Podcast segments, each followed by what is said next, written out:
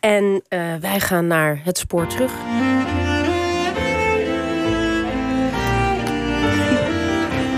Het spoor terug. Het beheerst alweer tijden de actualiteit. Kwetsbare burgers worden in Nederland geregeld vermorzeld door te formalistisch en te bureaucratisch beleid zonder de menselijke maat. Het nieuwe herziene boek, uh, boek U wordt door niemand verwacht van collega Michal Citroen over de terugkeer van de Nederlandse Joden uit de concentratiekampen en de onderduik laat zien dat juist die kenmerken van ons overheidsoptreden niet nieuw zijn.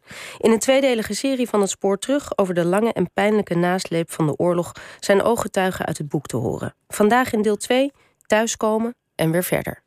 Toch zal eens het Joodse volksdeel, vermengd, nog niet onzield, zijn plaats hernemen aan de Nederlandse haardsteden. Al zal veel leed helaas niet ongedaan kunnen gemaakt worden. Het Nederlandse volk zal zich zijnerzijds beijveren om de geslagen Joodse wonden naar beste vermogen te helen. Gelijk het zich zal inspannen om het doorstaande oorlogsleed aan al zijn kinderen te verzachten en te genezen. Wanneer ze terug zijn in Nederland, wordt het pas voor de overlevenden duidelijk hoe de zaken ervoor staan. Van het Joodse openbare leven is weinig meer over. De Amsterdamse Jodenbuurt en daarmee het Joods proletariaat is weggevaagd. Synagogen en andere Joodse gebouwen zijn beschadigd of geroofd Religieuze voorwerpen zijn verdwenen, de religieuze leiders vermoord... en de drukpersen van Joodse kranten naar Duitsland versleept. Ook die draad moet worden opgepakt.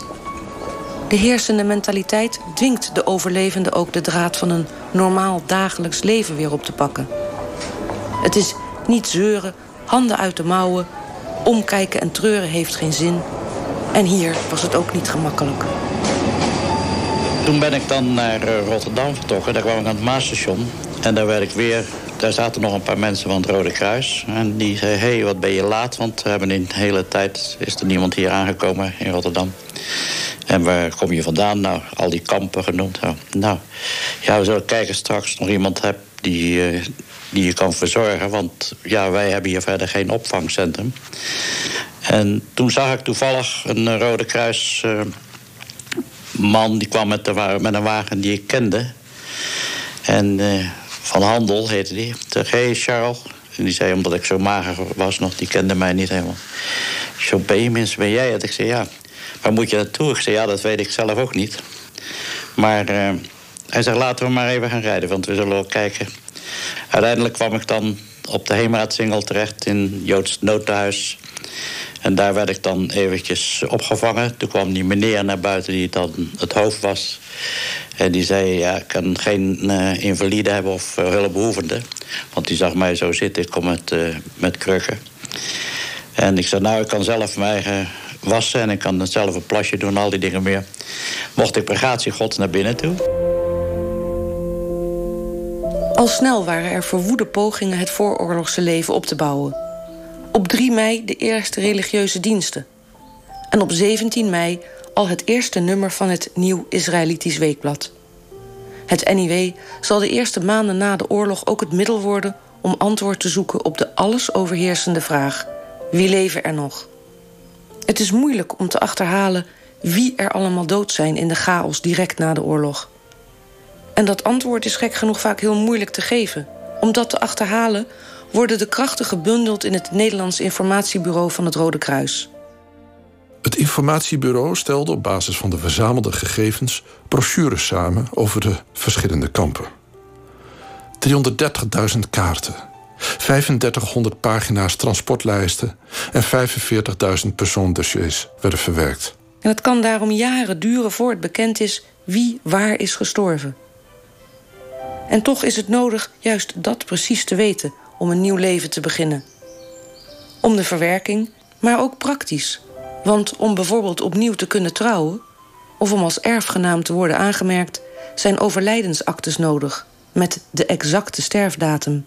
Pas in het voorjaar van 1947 werden twee rapporten uitgebracht... over Sobibor en Auschwitz.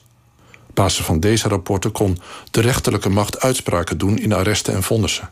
Pas in 1949 werd de wet veranderd en konden verklaringen worden afgegeven voor degene van wie de gegevens niet bekend waren.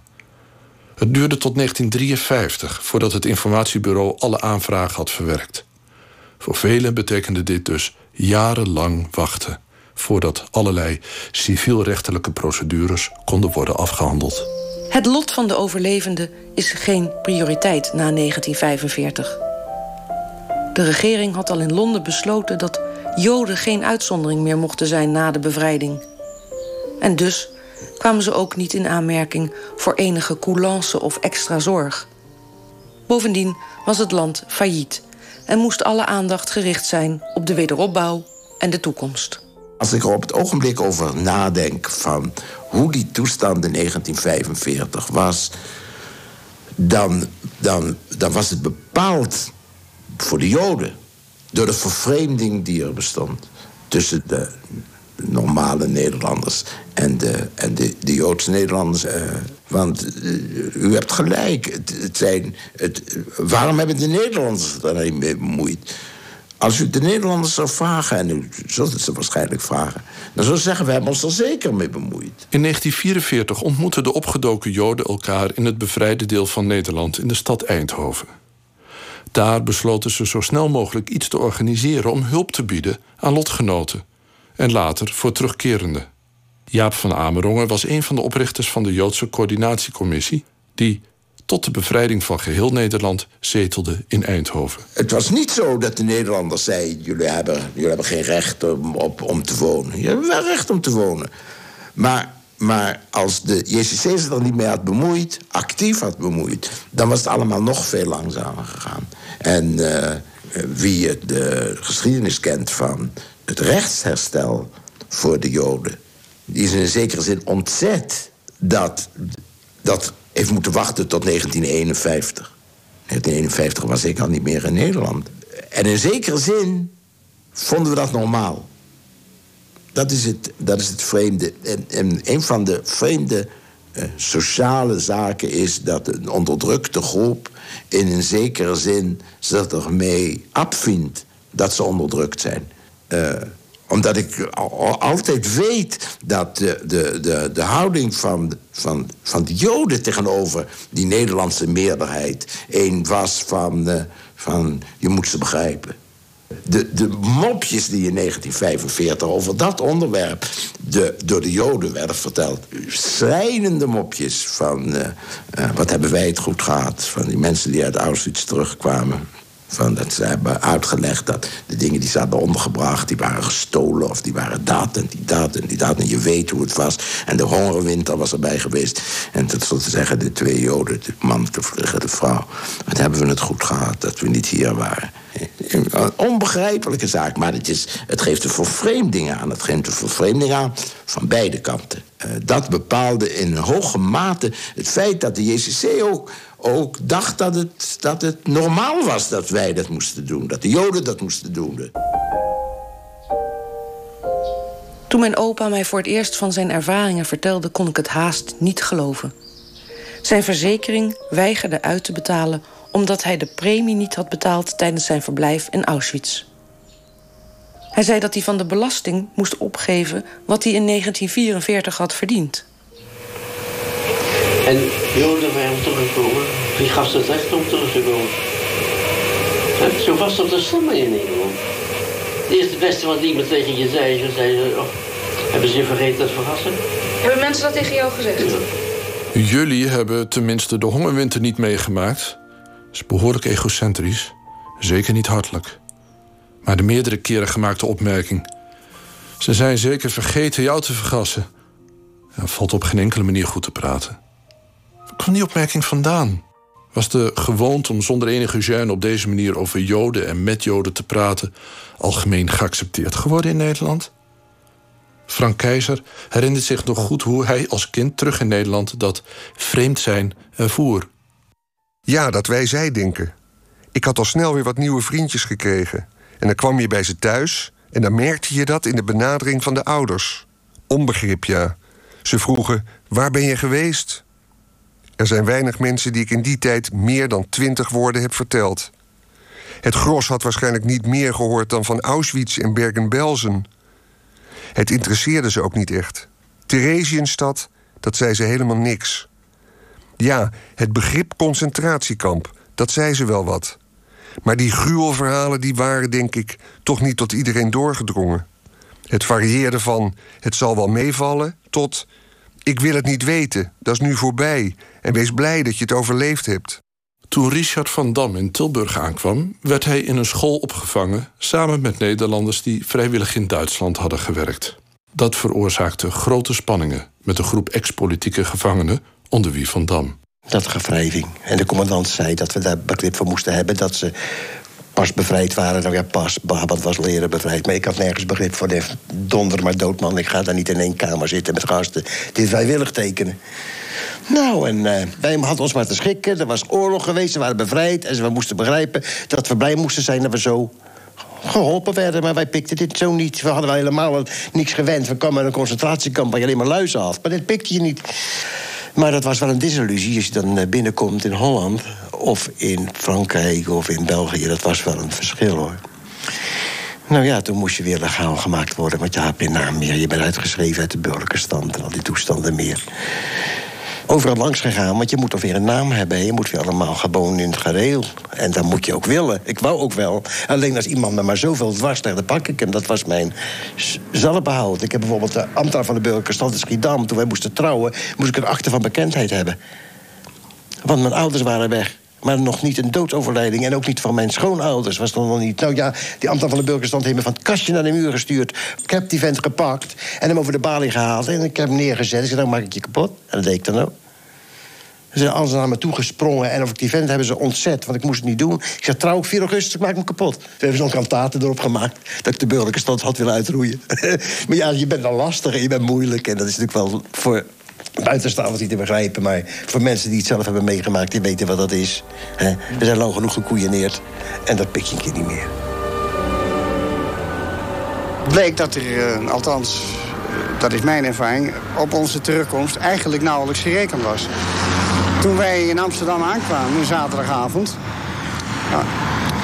We waren toch voldoende opgegroeid in dit systeem, zeg maar... in het burgerlijk systeem... dat we, ja, we zullen ons wel ergens moeten melden. Dus we zijn naar de dichtstbijzijnde politiepost gegaan in, in de Linnéestraat. En die wisten oorspronkelijk helemaal niet wat, we, wat ze met ons aan moesten. Na de rand zeiden ze, wacht even, ik geloof dat er op het Centraal Station een instantie is, of een bureau... voor mensen die terugkomen. Gaat u daar morgen nou heen?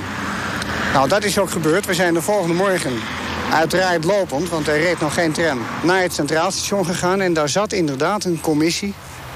Ik weet niet of het welkom heette of repatriëringscommissie. Ik ben de naam kwijt. De naam ben ik vergeten.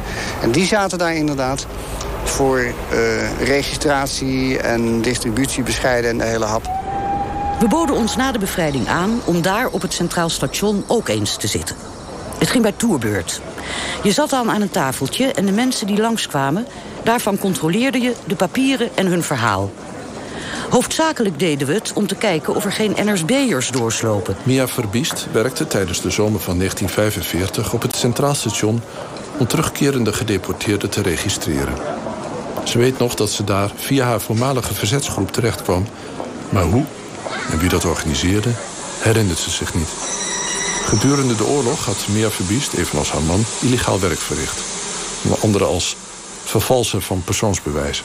Het was geen gelegenheid voor mensen om hun hele verhaal te doen. Alleen maar waar ze vandaan kwamen, wanneer ze er naartoe gebracht waren... en hoe ze weer teruggekomen waren. Alleen die zakelijke dingen.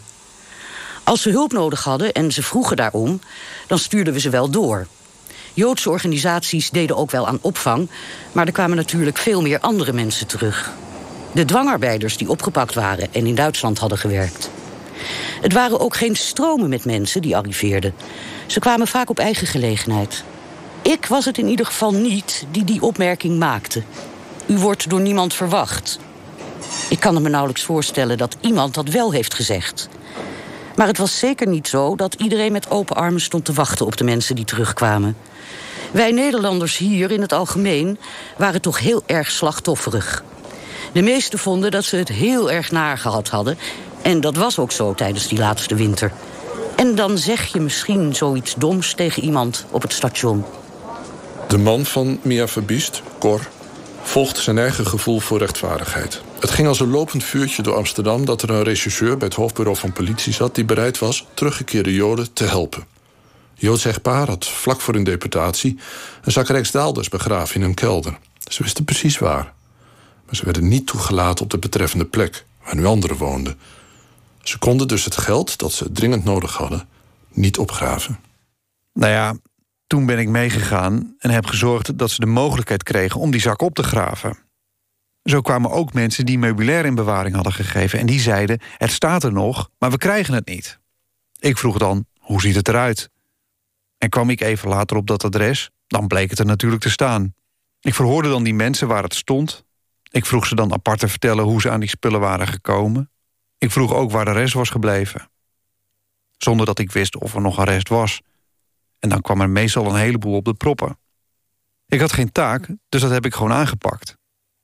Aan de andere bureaus werden mensen met deze problemen weggestuurd. Daar hadden ze het veel te druk met andere zaken. Die konden zich toch niet met joden en dat soort flauwekul bemoeien. Dat was het teneur.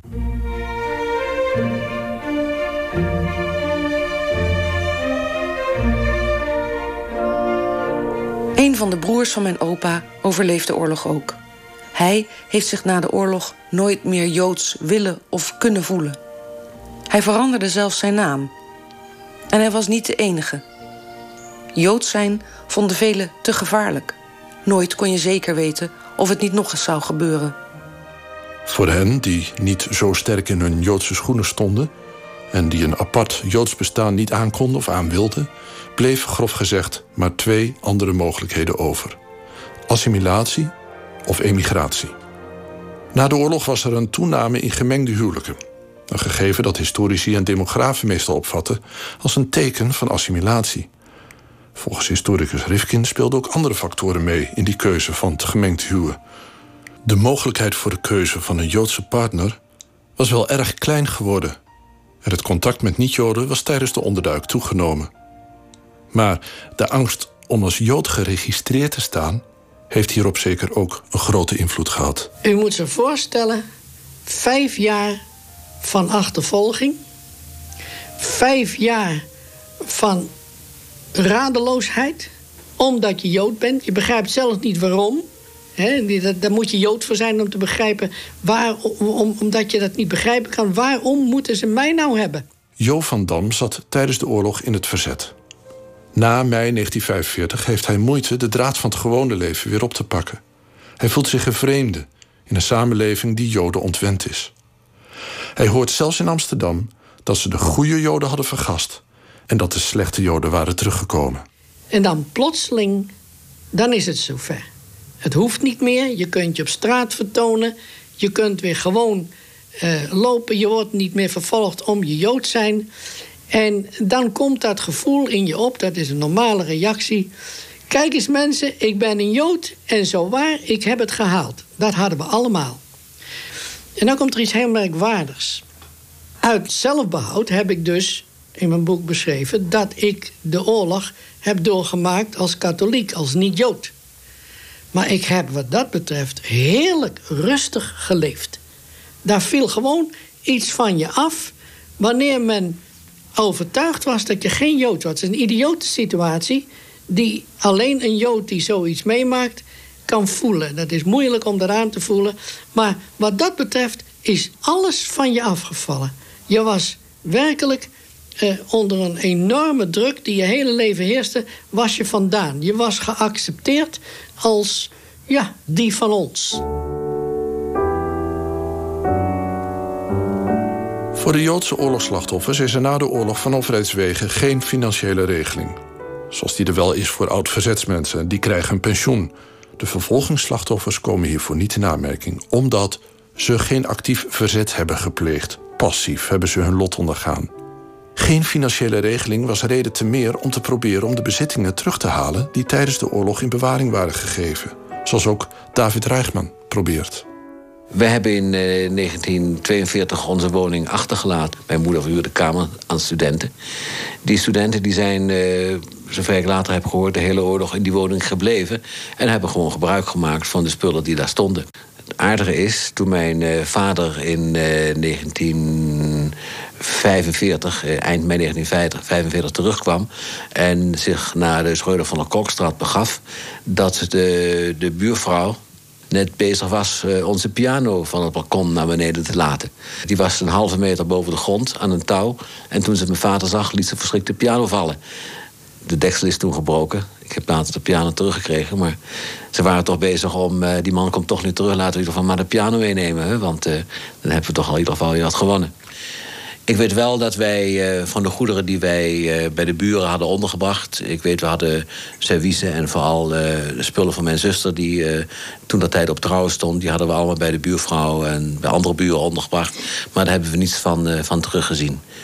En ook mijn vrouw heeft spullen die haar vader, uh, meubelstoffen en dergelijke, uh, bij verschillende adressen had ondergebracht. Daar is uh, niets van teruggekomen.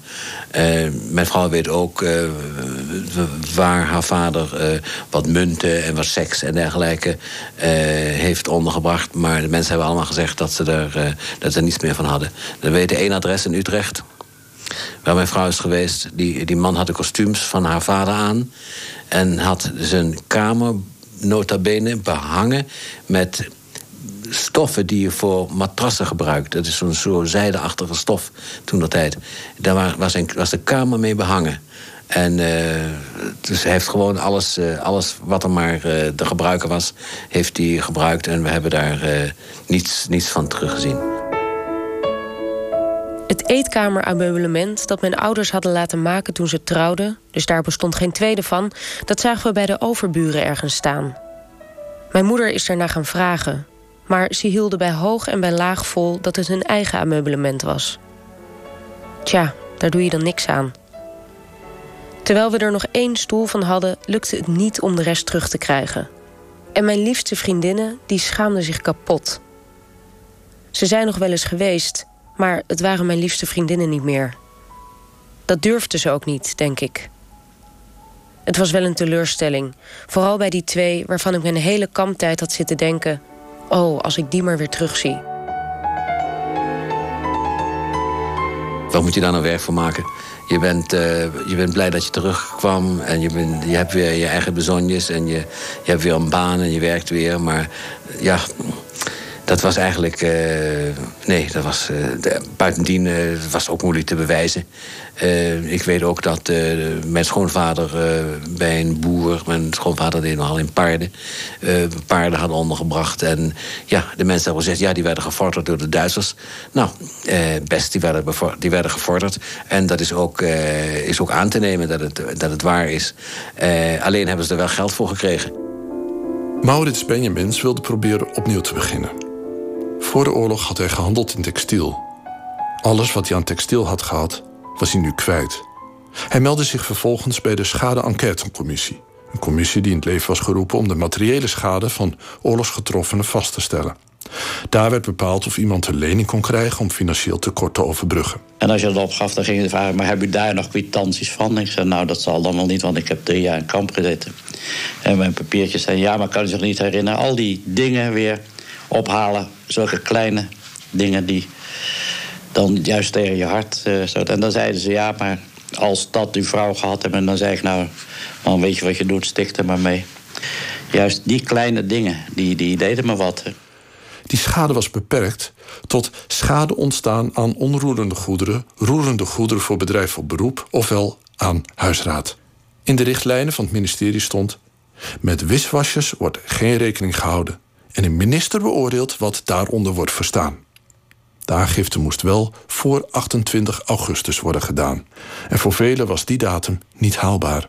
Sommigen waren nog niet eens terug in Nederland. Maar ja, als u het bij van spreken bij de Bijker of bij een andere Vroom Dreesman had gekocht, zou u misschien nog kunnen nagaan. Ja, die mensen, dat is ook nog gek, vanuit die oorlog in hun correspondentie voor een paar baddoeken gaan duiken. Nou, dat vond ik zo absurd. En toen heb ik gezegd, nou, sticht er maar mee heel cool. En ja, ik moet het jammer genoeg zeggen, allemaal ambtenarij. En de mensen die uh, hadden er geen gevoel voor. Konden zich niet indenken wat er nou in jou omging als ze vroegen wat voor kleertjes die kinderen nog hadden gehad en wat, die, uh, wat je vrouw had gehad. En juist de nare dingen Die had meegemaakt, vonden ze prachtig. En dat is, dan vonden ze ja, sensatieverhalen. Ook dit kon ik nauwelijks geloven toen ik het hoorde. Wie werkte daar? Wie kon zoiets bedenken? Na drie jaar terug uit het kamp, alles kwijt, familie, vrouw en kinderen. En dan is er een ambtenaar die denkt dat hij de kwitanties van voor de oorlog nog tevoorschijn kan halen. Jaap van Amerongen was een van de oprichters van de Joodse Coördinatiecommissie, die tot de bevrijding van geheel Nederland zetelde in Eindhoven. Die 3% die zijn dan teruggekomen, die waren voor een gedeelte in een verschrikkelijke toestand. Voor zover ze fysiek in een verschrikkelijke toestand waren, zijn ze door de, door de ziekenhuizen opgevangen. Maar voor zover ze uh, in, een, in een psychische moeilijke uh, toestand terugkwamen. Uh, moesten ze wel worden opgevangen door een groep die, die tenminste iets van begreep. En dan was er een Joodse solidariteit met de, met, de, met de mensen die terugkwamen, die ging boven de solidariteit die, uh, laten we zeggen, gewone Nederlanders met deze, met deze groep hadden. Zoals historicus Presser ooit schreef: de nasleep van de oorlog was een lang, te lang en smartelijk verhaal. Jacques Baruch was in de jaren 70 van de vorige eeuw lid van de Tweede Kamer voor DS70. Samen met Joop Voogd van de Partij van de Arbeid bereidde hij de wet uitkering vervolgingsslachtoffers voor. Dat was in 1973. Een wet die eindelijk blijk gaf van het besef dat de opvang van vervolgingsslachtoffers tot dan toe erg onder de maat was gebleven. Ik begrijp natuurlijk wel en ik weet wel dat Nederland er in mei 45 alle belappers voor stond. Dat nam niet weg. Uh, dat voor die paar duizend mensen die de kampen hadden overleefd, wel meer had kunnen worden gedaan dan er nu in feite uh, gebracht is. Er was natuurlijk eh, een onbegrip. De, de, financiële situatie van Nederland was zeer slecht voor de hele Nederlandse bevolking, dat weet ik wel. Maar was een volkomen miskenning aan wat zich daar voor mensonterends en mensenvernietigends had afgespeeld. En daarnaast is het niet onwaarschijnlijk dat toch door de Duitse propaganda van een paar jaren het antisemitisme een klein beetje was blijven hangen, zodat men er weinig voor voelde om voor teruggekeerde Joden bijvoorbeeld woningen ter beschikking te stellen, huisraad ter beschikking te stellen en dergelijke dingen meer. En dan denk ik nog niet eens aan een vergoeding voor mensen of aan een verzorging van mensen die door het verblijf in de concentratiekampen ziek, doodernstig ziek waren geworden. Celine Dinsdag vertrok illegaal naar Palestina toen het nog Brits mandaatgebied was. In die tijd probeerden de Britten de stroom Joden zoveel mogelijk te beperken. Ik ben er direct na de oorlog geweest bij ons in de straat. En toen dacht ik opeens, nou moet je toch eens even kijken.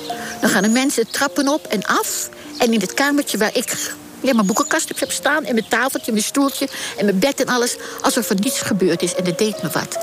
Want als dit huis kapot was geweest, gebombardeerd... dan had het in het beeld van een oorlog gepast.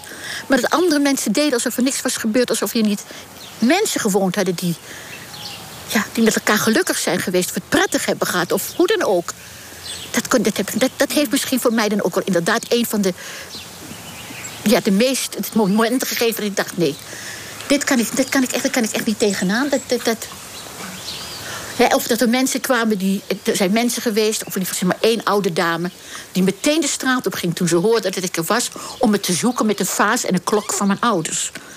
Om die terug te brengen bij de meeste mensen hebben gezegd: hoor eens eventjes, we hebben er vijf jaar op opgepast. Nee hoor, dat krijg je niet meer laat me gaan. Mensen, je kan wat ergens verliezen dan, dan, dan, dan een beetje spul. Dus uh, ik, ik, ik, maar het, feit alleen dat er zulke dingen bestaan... dat zijn al die dingen geweest die voor mij ook wel de doorstoot hebben gegeven. Van nee, daar iedere keer aan herinnerd te worden... en daarmee geconfronteerd te worden, ik kan het niet. Jaap van Amerongen had voor de oorlog al besloten... naar Palestina te emigreren. Hij had zijn certificaat daarvoor gekregen op 8 mei 1940. Maar hij kon niet wegkomen dat de Duitsers op 9 mei 1940 Nederland binnenvielen. De Joden die in Nederland waren en de, de niet-Joden die in Nederland waren, daar was een verwijdering tussen ontstaan. Die naar mijn gevoel ook in hoge mate geleid ertoe hebben dat in uh, latere jaren relatief gesproken, een groot aantal Joden naar, naar Israël is gegaan. We waren vreemd. We waren, we waren ons misschien bewust geworden dat we een vreemd element waren in de Nederlandse gemeenschap. We hadden een ander lot gehad gedurende de laatste uh, vijf jaar. En zeker gedurende de laatste drie jaar. En dat, dat had zijn invloed op alles wat we deden en, en wat we konden doen. Een hele wereld was in elkaar gestort door de oorlog. Er staat niemand te roepen, hé, hey, halleluja, daar heb je Celientje ook nog. En alle mensen waren bezig met zichzelf om een nieuw leven op te bouwen. En ik had wel heel erg dat gevoel van... Eh, als ik van weer moet beginnen, helemaal moet opnieuw moet beginnen... dan moet ik hier weg, want anders blijf ik mijn hele leven in die atmosfeer. In een soort, ja, ja, in, die, in, die, in die ellende zitten. En daar zal ik waarschijnlijk nooit meer voor loskomen. Tussen 1945 en 1953 vertrokken 4.492 Joden uit Nederland. Ongeveer een derde daarvan ging naar Israël. De rest vertrok naar Canada, Amerika of Australië. In 1985 ontmoette ik Ganna Shapira. In Bergen-Belsen had ze tegen zichzelf gezegd dat als zij het zou overleven, dat ze dan naar Israël zou gaan. En we spreken elkaar in haar huiskamer met uitzicht op het strand van Tel Aviv. Ik heb nog geprobeerd. Enige keren ben ik nu naar Holland geweest, maar het is altijd heel erg moeilijk om daar terug te komen. Ik weet niet, het, het, is alsof de stenen spreken daar. Hè? Het, is, uh, is heel erg, heel erg. Ik ben in Amsterdam geweest uh, de avond voordat mijn zusje met man en kind gedeporteerd werden. Was bij het eerste transport in 1942 uit Amsterdam. Het is heel moeilijk uh, daar voorbij dat huis te gaan waar ze gewoond hebben. Toen kwam ik in Israël en dat was heel moeilijk. ik leed na de oorlog ontzettend onder hoofdpijnen. Verschrikkelijk, maar erg zo met overgevende, vreselijke hoofdpijnen. Ik ging met een boot naar Haifa en het was Gamsin. Is dat een begrip, Gamsin? Dat is zo'n warme woestijnwind. En ik kreeg een ontzettende, ontzettende hoofdpijn. En de mensen op de boot begonnen te dansen toen ze Haifa zagen. En ik begreep helemaal niet waarom dansen ze nou. Hè? Ik, ik, dat was vreemd voor me. Maar ik geloof niet dat ik een andere keuze had.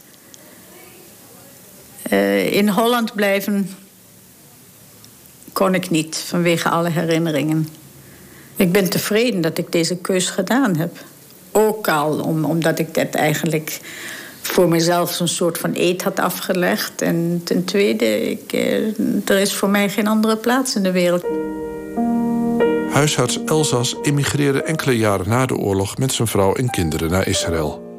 Hij begon daar een praktijk voor vervolgingsslachtoffers en werd medisch adviseur van het bureau dat in Israël de wet uitkering vervolgingsslachtoffers, bekend als de WUF, uitvoerde. Toen Elsas en zijn vrouw na terugkeer uit de kampen terugkwamen in het dorp waar hij praktijk had gehad, bleken hun kinderen te zijn gespaard.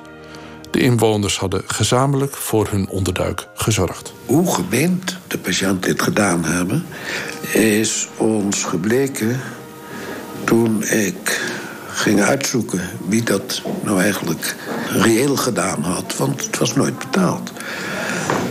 Om een afspraak te maken over hoe of het betaald zou worden. En toen zei ze, ja, dat hadden we gedacht. En dat is, we willen er geen geld voor hebben... maar we willen dat u niet naar Palestina gaat... maar eerst nog een aantal jaren ons blijft behandelen. En meer hoeft niet. Dat stond wel in scherpe tegenstelling... tussen de reactie van de vrouw van de man die mijn praktijk zogenaamd overgenomen had. En die op mijn terugkomst reageerde met... wij hebben toch ook altijd pech. Uh, dit is een schrille tegenstelling... Uh, die ik bij mijn werk voor de WUF... waar ik duizenden gevallen spreek uh, die teruggekomen zijn...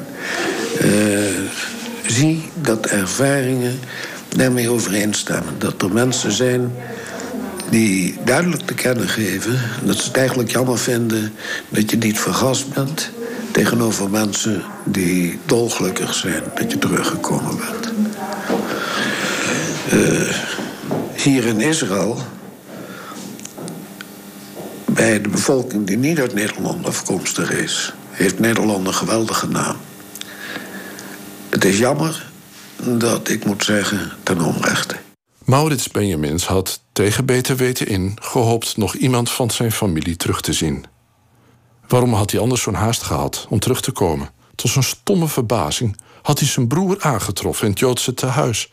Maar zijn zwangere vrouw, kind, ouders, schoonouders waren vergast. In totaal 62 familieleden van Benjamins waren door de Duitsers vermoord. Hij moest verder leven, dat voelde hij gek genoeg wel. Maar hoe? Hij kon niet meer terug naar zijn oude huis in Blijdorp. Nou ja, op dokters aanraden. Toen zeiden ze, je moet weer een normale leven gaan leiden. En je moet je een goede vrouw zoeken. En ik zei, ja, die zijn er niet meer zo. En die zegt, uh, ja, ik zou toch maar eens kijken. Hè? Want dat is echt, je moet weer heel een normale maatschappij. Want anders kom je er niet uit.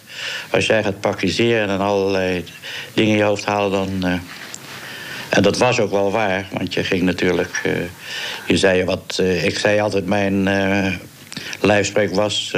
wat ik nu levens meegenomen. En dat is eigenlijk niet goed, hè, want je moet natuurlijk weer in de toekomst denken. En nu dan met mijn vrouw en mijn zoon die ik heb en kleinkinderen, dan heb je ook een doel weer. Hè? Want anders had je wel daar kunnen blijven. Dat is in de eerste tijd dat je terug bent, denk ik, had ik er ook maar gebleven. Niet alleen die tegenwerking die je krijgt, maar je ziet zoveel narigheid om je heen als je terug bent. En al die mensen die je mist. Hè, vader en moeder en schoonvader en vrouw, kinderen. Dat zijn dingen die, uh, dat kan je niet bij. Hè. Als je er eenmaal bent, in, uh, ja, wat, wat, wat kom je nou doen? Hè? Half tien zit je aan het Maasstation. En dan, ja, waar moet je heen, zei die rode kruisman. Ik zei, ja, dat, dat is nou juist, ik had haast. Naar mijn huis kan ik niet meer, de Noordhavengaten in uh, Blijdorp. Ja, en dan ga je zoeken wat, uh, waar je dan terecht kan. Dr. Cohen schreef in het Nederlands tijdschrift voor de geneeskunde in 1985. Wij, ex-concentrationairs, kunnen onze wonden de leek niet uitleggen.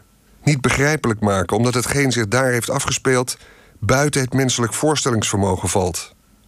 Allen, Joden en niet-Joden, die de hel van de concentratiekampen hebben overleefd, dragen de gevolgen hiervan blijvend met zich mee. Het zou tot 1968 duren voordat men dit in Nederland als het postconcentratiekampsyndroom zou herkennen. Maar hiermee houdt de overeenkomst tussen deze groepen op. De politieke gevangenen kwamen terug in hun huis, gezin, familie en milieu. De Joden, niet alleen uit de kampen, ook de ondergedokenen, kwamen als regel in een leegte terug.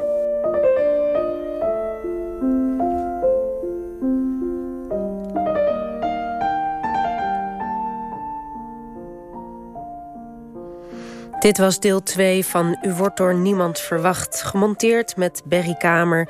Met stemmen van Matthijs Deen, Anton de Goede en Tessel Blok. Het boek van Michal Citroen is uitgegeven bij Alphabet en is online en bij de boekhandel te verkrijgen.